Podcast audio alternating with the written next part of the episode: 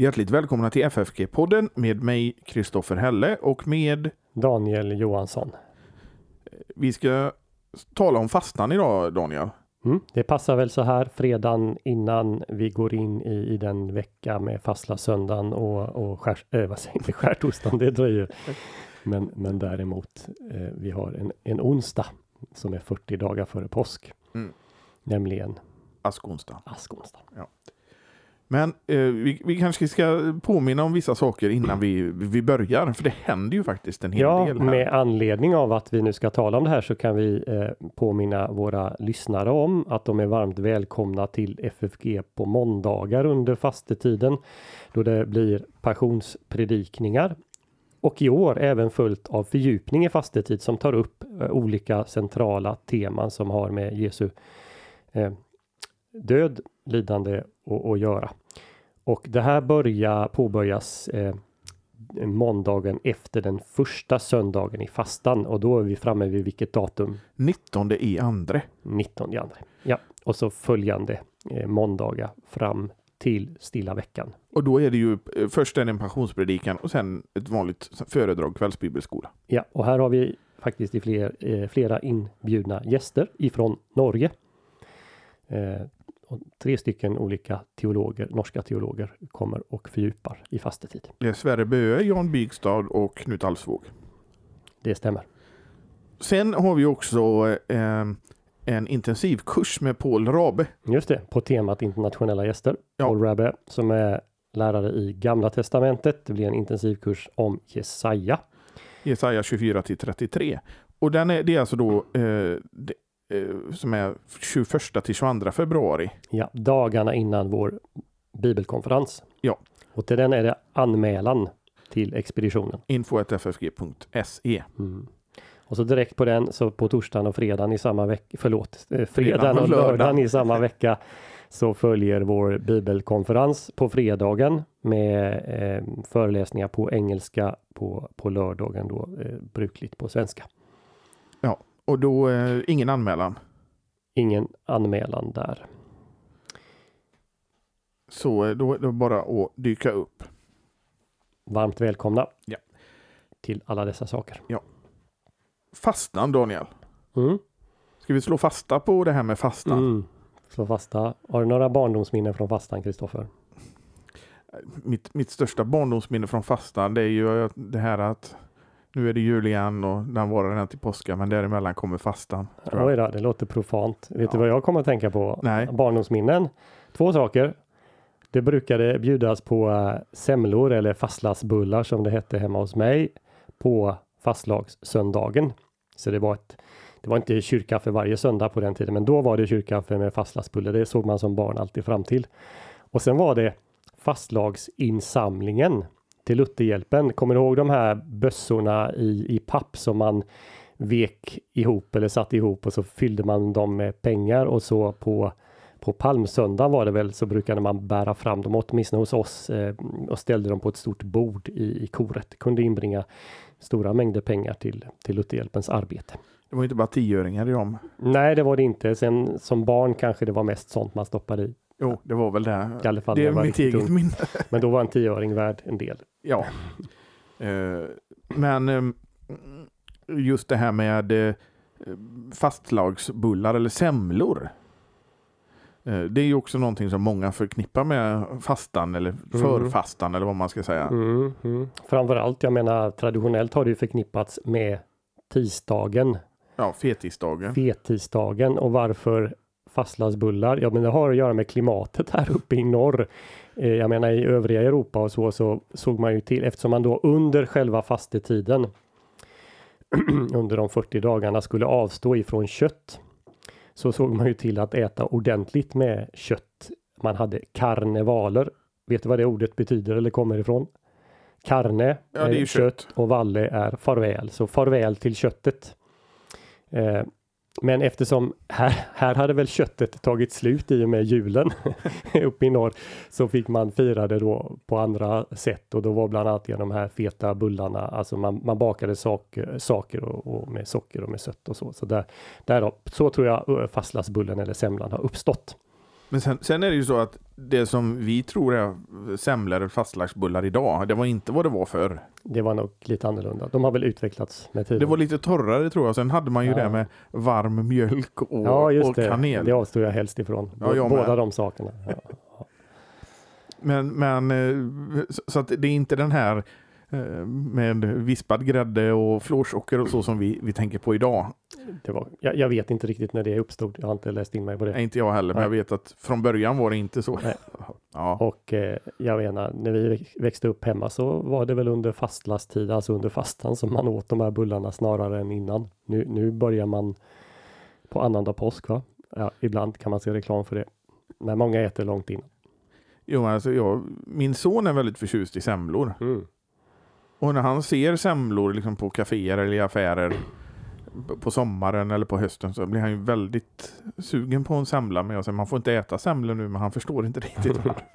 Ja, nu kanske han förstår varför, men Nej, men många traditioner har ju inte så jättemånga år på nacken.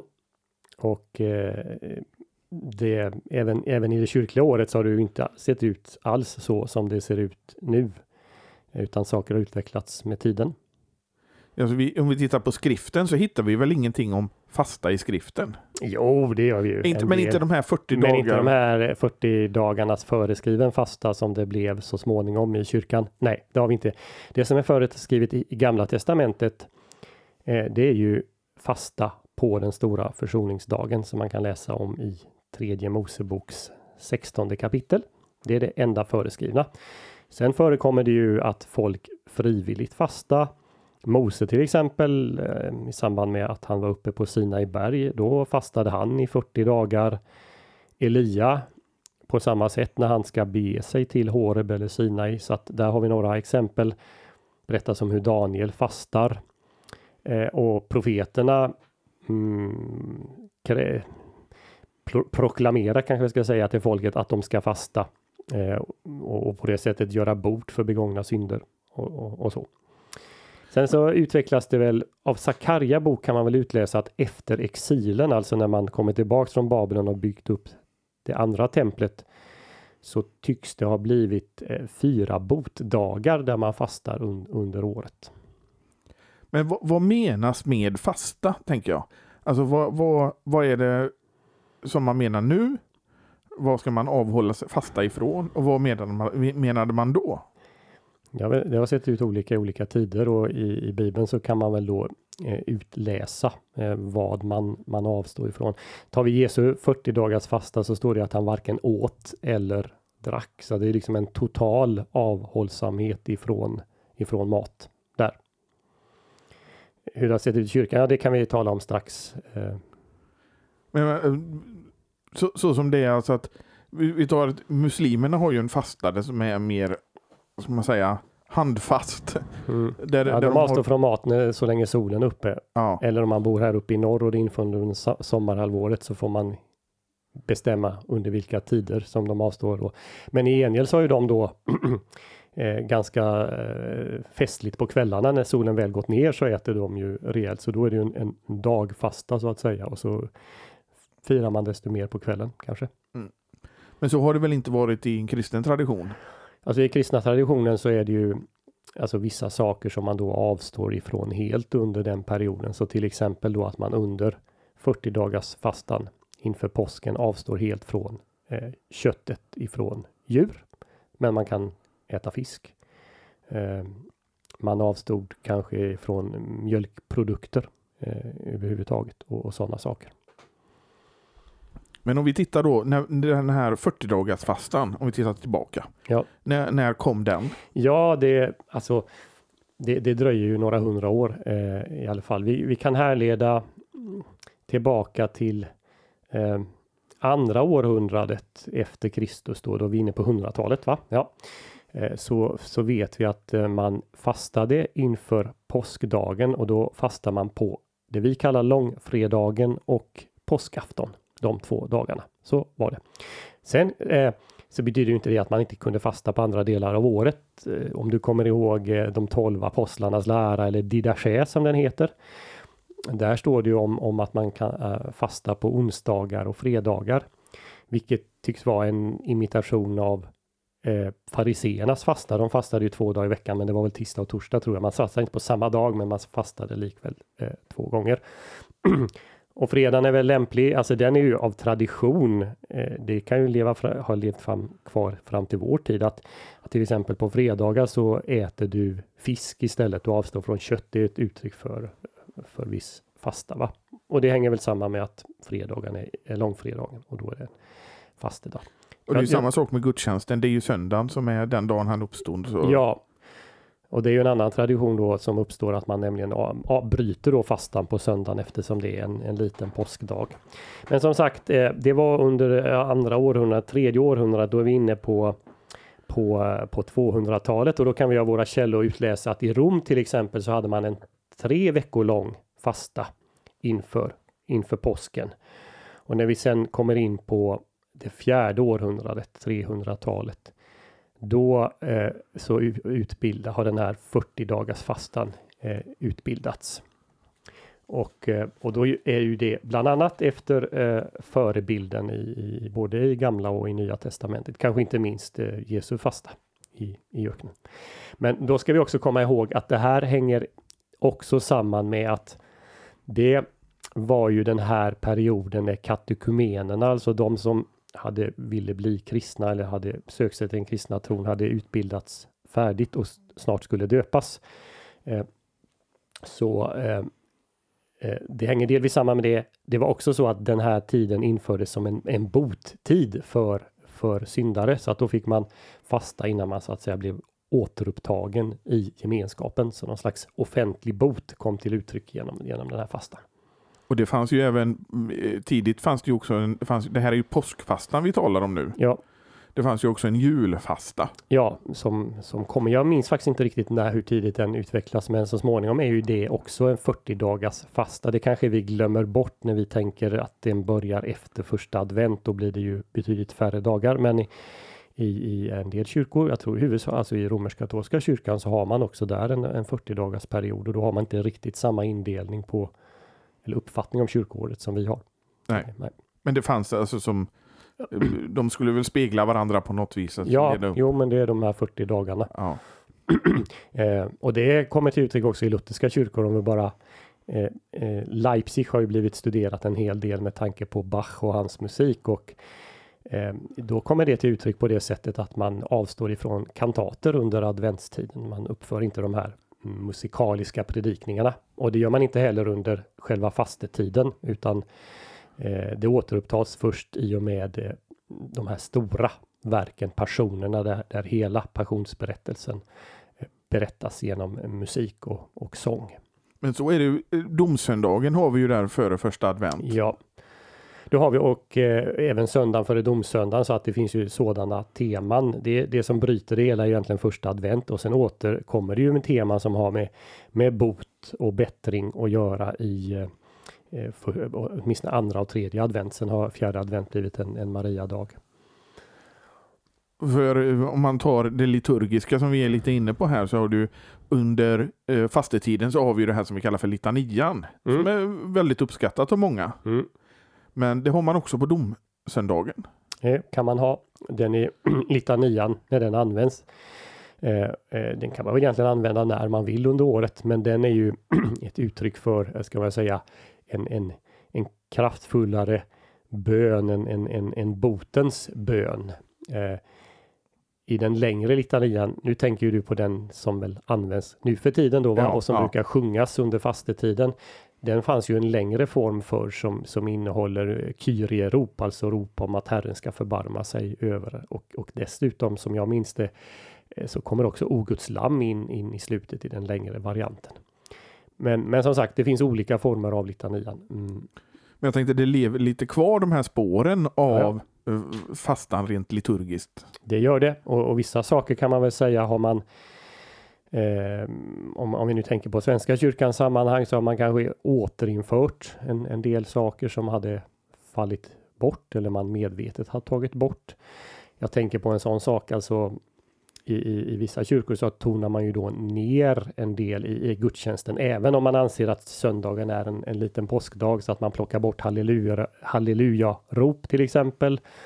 Eh, att man, och, och, och, det har en del i vår tid plockat bort dem. Eh, man, man tar bort till exempel då eh, tacka och lova Herren på slutet i, i, i gudstjänsten.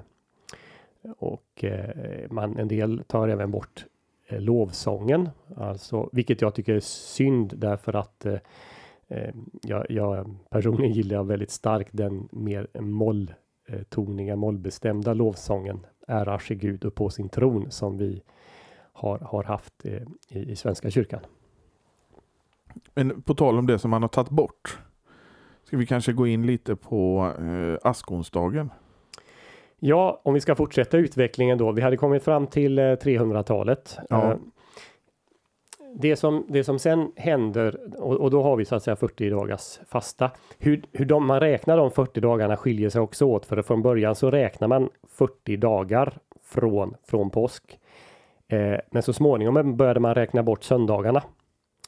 Och eh, eh, så och, och, det är så man har, har, räknat nu och räknar fram till vår tid. Söndagarna räknas inte in och då hamnar man på det som vi kallar askonsdagen. Eh, askon... Som följer direkt på fetisdagen. Ja, precis. då får vi gå fram till ungefär tusentalet eller, eller strax innan. För då att det här tanken på att det var en offentlig bottid för syndare under de här 40 dagarna, det föll bort. Eh, och eh, ersattes eh, av, av, andra saker. Och bland annat var det så här att, att på något sätt att alla kristna skulle ingå i, i den här botgöringen, det blev en allmän botid istället. Och den markerades på det sättet att man på den dag då quattro gesima blir det va, 40 dagar före, den heter quattro gesima, eh, då införde man askonsdagen som uttryck då för den här botperioden så, så, så kunde man då mm, bestryka folk eller, eller som det är idag då att man, att man, man sätter ett korstecken i pannan av aska. Eh, det kom där, eh, säg 900-talet eller någonting och det stadfäste, stadfästes som, som lag av, av påven Urban den andre. Och då är vi framme vid 1091. Den här påven är kanske mer känd för att varit den som initierade korstågen och som utlovade fullständig bot till de som deltog, alltså förlåtelse för synderna eh, som deltog i, i korstågen. Den berömda synoden i Clermont. Men det här var alltså 1091. Så det, om man vill ha ett datum för när det blir obligatoriskt med askonsdag och med de ceremonierna så är det där vi hamnar. Mm. Men askonsdag, om vi går lite längre fram Eh, i, i reforma, efter reformationen så togs askonsdagen bort. Ja, kanske inte direkt, eh, men man tog ganska omedelbart bort just eh, ceremonin med, med, med askan. Det gjorde man. Man la fokus istället på, man böl texterna och, och det blev en botpredikan där. Det vi inte har talat om riktigt, alltså det, det, det här med vad man avstår ifrån och så vidare. Alltså så småningom blir det ju då eh, regler, väldigt tydliga regler var man man fick och äta och inte äta och när man fick äta. Och på medeltiden var det så att man, man fick ha en måltid eh, eh, på dagen eller så i regel på kvällen när man åt.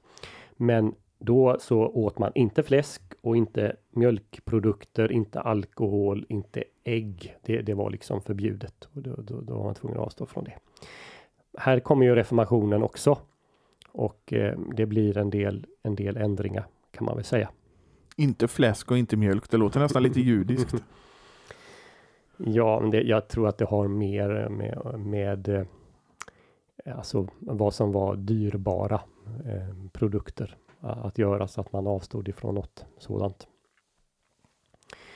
Men eh, som sagt, reformationen tar upp det här och då, då kommer det under hela rubriken om det som har med vår rättfärdiggörelse och, och goda gärningar att göra. En av Luthers berömda skrifter från 1520, vi har ju talat om några stycken sådana här i podden, det är den som heter just om goda gärningar. Och då har han ett avsnitt om, eh, eh om fasta. Och eh, Luther slår här fast att, att fasta är något eh, bra och närmast nödvändigt, men det ska råda frihet. Och sen är han väldigt praktisk, för han säger så här att eh, han tänker sig mer att, att fastan är till för att, för att vi ska ha kontroll på vår kropp, på vår, våra begär och, och, och alltså med Pauli språk då, alltså att vi ska vi ska kunna behärska vår, vår gamla människa eller köttet i oss. Och det gör att Luther ser på fastan som ska vi säga ett medel för, för kristen träning. Eh, och, och, och då har han praktiska om någon till exempel tycker att det, det, är liksom lättare, låt säga att fokusera på bön och läsa Guds ord när man äter flis, fläsk än när man äter fisk. Ja, men då är det bättre att avstå ifrån fisken och äta fläsket. Och, och så vidare. Så, där. så det som oavsett vad det nu finns för, för regler som man har av, av hävd så, är, så bör man anpassa dem till det som, som gör att man själv kan fokusera på vad det nu handlar om. Att, att besegra onda begär eller att, att koncentrera sig för att be. Ja, och, och så är han väldigt noggrann med, jag menar, om en, om en kvinna väntar barn eller någon är sjuk så är det helt klart att de måste behöva, de, de ska inte fasta utan de ska äta så att de, de blir friska eller att inte eh, barnet skulle ta skada av, av att mamman eh, avstår från, från mat. Men jag tycker det blir ju en tydlig fokusförflyttning där från eh, tidigare att man kanske gör någonting för att behaga Gud med att fasta, att det blir liksom en subjektförflyttning. Ehm, ja, det blir, det blir det och eh, det framgår ganska tydligt i det, det Luther skriver här att eh, han, han kritisk mot att många gör det här bara för den goda gärningens skull och sen tänker man att allt är bra och så medan hans fokus ligger på att det ska, det ska, det är till för att uppbygga mig som, som kristen. Och det har ju funnits en tradition och den har funnits långt i, och finns än idag, även i evangelisk lutherska sammanhang, till exempel att man, man fastar innan man tar emot det heliga sakramentet, så att man fastar kanske på söndag morgon. Och, och, och det, det gör nog en del och andra tycker det är svårt. Jag, jag för egen del tycker det kanske är svårare. Jag, om jag är, börjar bli hungrig där framåt 11, halv 12 så jag har väldigt svårt att koncentrera mig på predikan. Och det kanske beror på en ovana. Men, men utifrån hur Luther resonerar så är det bättre att äta då på morgonen om, om, om, om man inte ska tappa fokus på gudstjänsten. På det vi, vi talade om innan vi började spela in så, så jag tror jag att kaffe är väldigt viktigt där på morgonen innan. man ska hålla koncentrationen Ja, för dig är det det nu. Ja. Jag har ju mer fasta eftersom jag bara dricker varmt vatten nu för tiden. Ja, men, men det har inte med det att göra. Nej, men, alltså, men det är som Luther säger, att det var vad som, Eh, vad, vad som passar var och en. Ja, det som passar var och en. Sen kan man väl konstat, ganska krasst konstatera att i den evangelisk-lutherska traditionen så har väl inte Alltså fastan har väl tonats ner då eh, och, och, det kanske blir så när det så fort det råder frihet så är det lätt att man eh, man släpper på, på vissa saker för att jag menar han, han är väldigt tydlig med under hela sitt liv att, att det är något viktigt och eh, eh, vi har det ju även i Lilla katekesen. Han, han, alltså att fasta som förberedelse för, för att ta emot nattvarden anser han vara något eh, en god förberedelse. Men det är inte det som gör att jag är beredd. Det är, det är andra saker, eller hur? Ja. Mm. Men, men, eh, just det här att eh, att individanpassade ja. tycker jag är en väldigt viktig sak. Ja. För att det blir ju en det här tvånget som, som kan skapa oro hos människor försvinner ju då. Ja. Och om, om vi tittar oss runt, det finns många kristna som fastar på, på något sätt, eh, olika sätt och jag får väl säga att det råder frihet. En del, en del går in för det här väldigt eh, vad ska vi säga, helhjärtat och avstår från väldigt mycket. Man kanske bara intar rinnande föda till exempel under hela fastetiden och, och, och så och, och andra ser på annat sätt. Så att ja, åtminstone i de sammanhang som, som jag rör mig och, och jag hör om så, så får jag nog säga att friheten råder. Det tror jag att vi kan vara ense om. Mm. Och jag tror inte heller att man är lika strikt längre i, eh, i romersk-katolska sammanhang som man var i. Och, och, man har förändrat en del av de här reglerna också nu på, på 1900-talet från 1950 och framåt. Men man är ju också mer medveten idag hur, alltså att kosten är en mycket viktigare del hur man äter för att må bra. Ja, och en del passar på att fasta just för att de ska må bättre eller för att gå ner lite i vikt och det är väl inte fel. Man mår bättre. Det är ett sätt att ta hand om den kropp som, som Gud har skapat med. Ja, ja, och det, men det, är som sagt ändå det är individanpassade ja, vad man... Precis. Att, sen är det att Gud öppnar en möjlighet under fastan. Mm. Som vi får ta tillvara på om vi känner att det gagnar oss för vår ja. egen skull. Ja. Sen måste ju säga då att även om fastan har, har så att säga bibehållits, man betonade friheten, så blir det, blir det andra kraftiga fokusförskjutningar i den evangelisk-lutherska traditionen. Ja, och det är ju passionspredikningarna som kommer in. Det är passionspredikningarna som kommer in och det är också, ska vi säga, fokus i dem och vad, vad fokus ligger på den här, alltså tiden av bot som hänger ihop med, med passionspredikningarna. Och vad är passionspredikningar nu? Ja, om vi går tillbaks längre i kyrkan så kunde man eh, under eh, det vi kallar stilla veckan då eh, läsa och utlägga hela passionsberättelsen, alltså ungefär ifrån eh, när Jesus rider in i Jerusalem i praktiken, det som vi firar på palmsöndagen. Va? Och sen så har man under veckan läsningar fram tills man kommer till korsfästelsen på långfredagen och så fortsätter det. Eh, och i vissa fall eh, i tidig lutherdom så kunde man under långfredagen ha predikningar och läsningar över hela den perioden under just själva långfredagen. Det blev ganska mycket predikan och, och, och så och läsningar på den dagen. Men ganska snart så, så, gör, så blir hela pasteperioden tiden för när du betraktar Jesu väg från palmsöndag till korsfästelse. Eh, och det börjar eh, i regel på estomihi, det är det latinska namnet eh, för, för, eh, palms, eh, säga, för fastlagssöndagen. Just det. Vet du varför det heter estomihi förresten? Nej. Det beror på den, den saltasalm som man hade som introitus, det är de första orden. Så Det har vi i vår psalmbok. Om, om du tittar på rubrikerna för de här söndagarna fastan så står just de här latinska orden. Mm. Eh, Texterna för övrigt under fastetiden har också att göra med de här eh, katekumenernas förberedelse faktiskt. För du vet, det är många som handlar om ondskan och att, att mm, avsvärja sig den onde och så vidare. Vi har de söndagar. Ja, ja, det var en liten utvikning. Eh, jo, man började då eh, på fastlagssöndagens kväll så var den första predikan. Och sen hade man predikan i regel på onsdagar och fredagar och söndagar. Vilket gör att det fram till och med palmsöndagen när man har den sista predikan, så man hade inte predikningar under stilla veckan, eh, förutom då på psalmsöndagens kväll, så blir det mm, 19 stycken predikningar. Det, det kan man härleda en hel del tyska kyrkoordningar. Och, och man kan också dela upp till exempel Johannes Bogenhagen som var kyrkoherde i, eh, i Wittenberg, han gjorde ju en harmoni där han, han la ihop de fyra olika evangelierna till en enda berättelse och den kan då med fördel delas upp i just 19 läsningar. Men så har vi ju i den mån man, man har passionspredikning överhuvudtaget nu för tiden, vilket tyvärr har försvunnit. Um, och jag, jag har inget minne av att man har haft så många under min livstid, utan då har det ju varit så att det var en predikan i veckan fram till och med eh, innan stilla veckan. Va? Och sen brukar man ju säga att det är mm, Matteus-serien eller Markus-serien eller Ja, det är ju en eh, sak som återkommer 1986 års eh, eller 83 års evangeliebok att man började predika enligt evangelierna. Går vi tillbaka till den lutherska kyrkans historia så har man gjort både och. Man har, antingen så har man haft enligt ett visst evangelium eller har man haft harmonin och så har man kunnat eh, byta emellan dem. Det kan man se exempel på återigen i, i Leipzig då att ena året så hade man enligt en av evangelisterna och det andra året så kunde man ha enligt eh, Bogenhagens harmoni. Så det var rådde stor frihet där.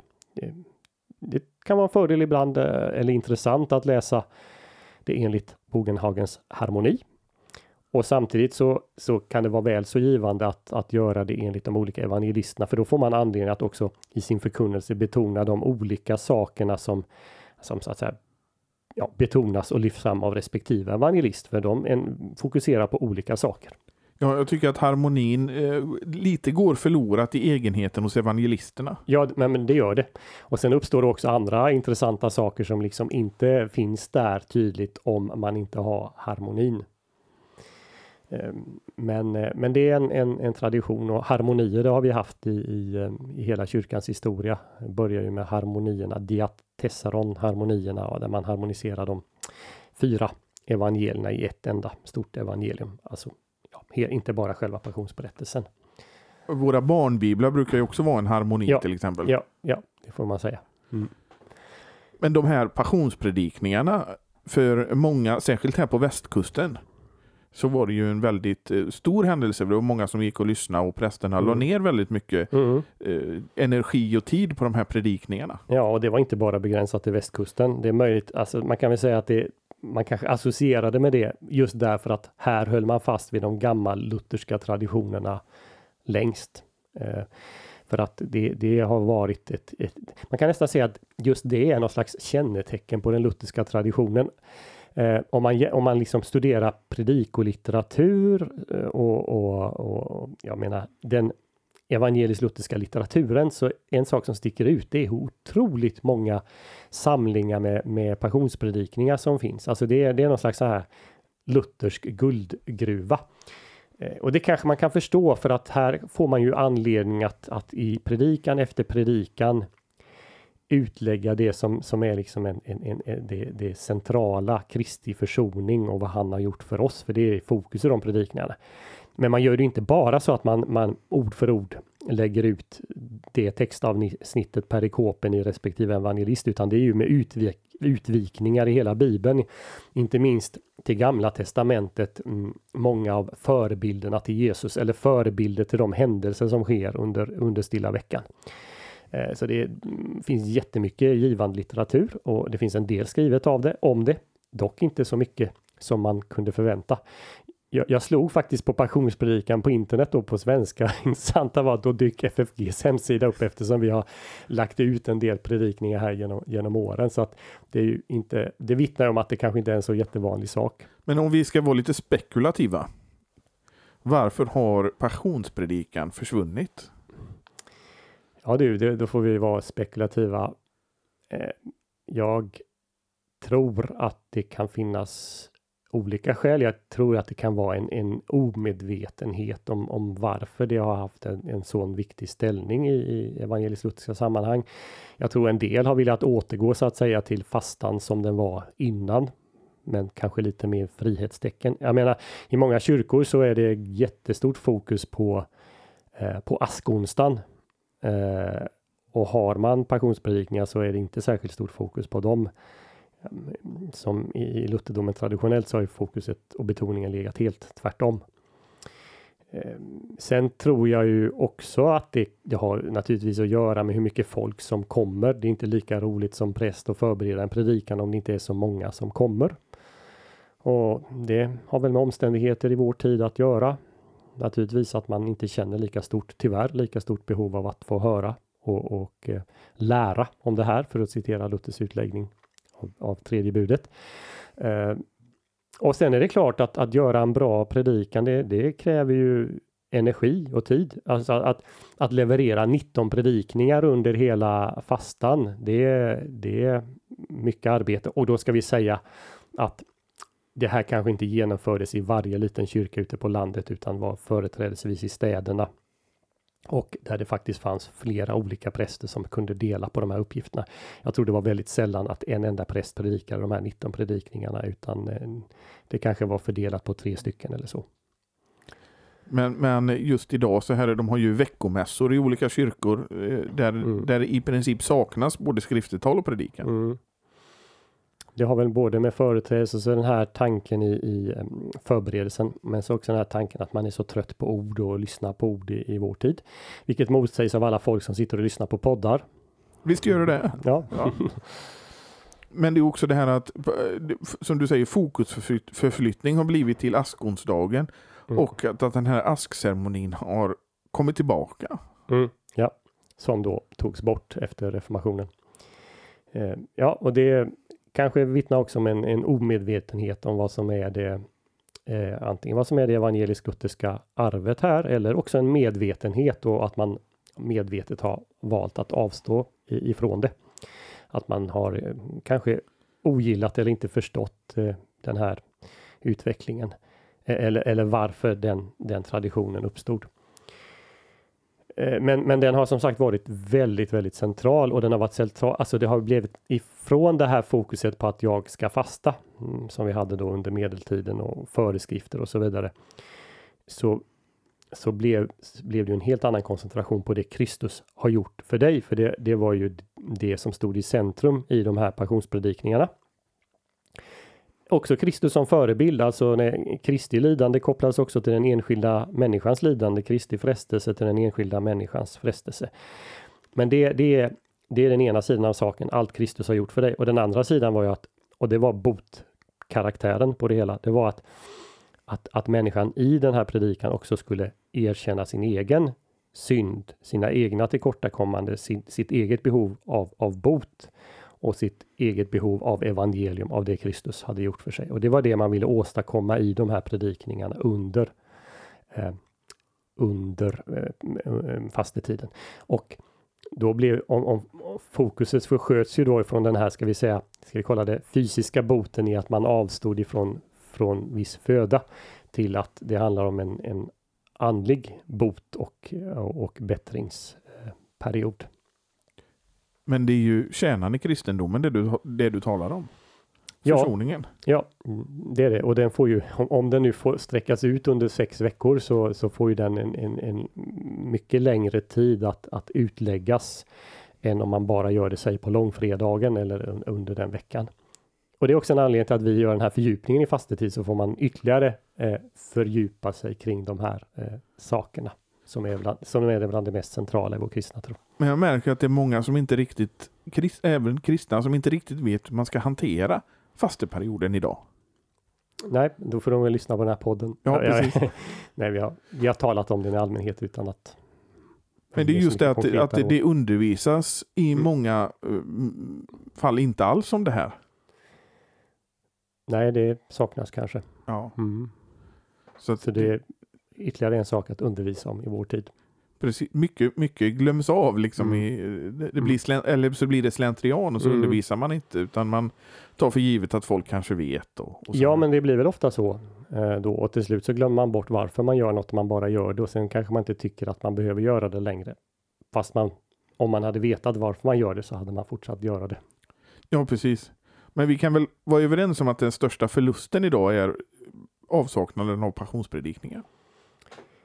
Ja, det, det, skulle jag nog säga, för de har ju i hög grad försvunnit och eh, sen så de, de, det måste ju vara ett gott innehåll i dem för att det ska vara någon nytta. Så att det, det handlar väl också om att det finns jättemycket man kan lära sig av de här eh, goda teologerna och förkunnarna, hur de har predikat här. För det, det är verkligen inget, eh, bara ett, ska vi säga, kalla det exegetiskt studium av, av texten, utan det är stora utvikningar i både gamla och nya testamentet. Så att, alltså en riktig skattkammare för att få se hur hela bibeln hänger ihop. Och, och många av de här predikningarna är otroligt spännande i det avseendet. Samtidigt som de är liksom ett fokus också på, på att vårda själarna. De är talande på flera olika vis. Mm, och på olika nivåer. Ja. Mm. Men Daniel, har du någonting mer att tillägga innan vi avslutar det här eller ska vi? Nej, tänker du avstå från något under fastan här? Något du behöver jobba med? Det kanske inte du vill eh, gå ut med så här offentligt?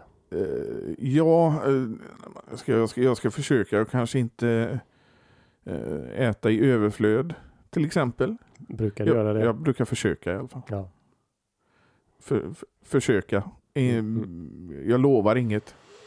Och det är väl inte så dumt i vår tid. Alltså vi har ett sådant överflöd och att bara, bara lära sig att, att leva med mindre och träna sig det. Det, det i sig är något gott. Eh, som, som om man nu gör det med, med mat eller något annat så är det ju sånt man kan ha nytta av i andra situationer när man behöver träna sig till, till tålamod och uthållighet. Inte minst många av våra barn behöver lära sig det. Jo visst, jag funderar på att ha en sån här iPad-fri fasta hemma. Mm. Det skulle många behöva. Precis. För att vila sina hjärnor. Precis. Tack Daniel för det här samtalet om fastan. Tack Kristoffer.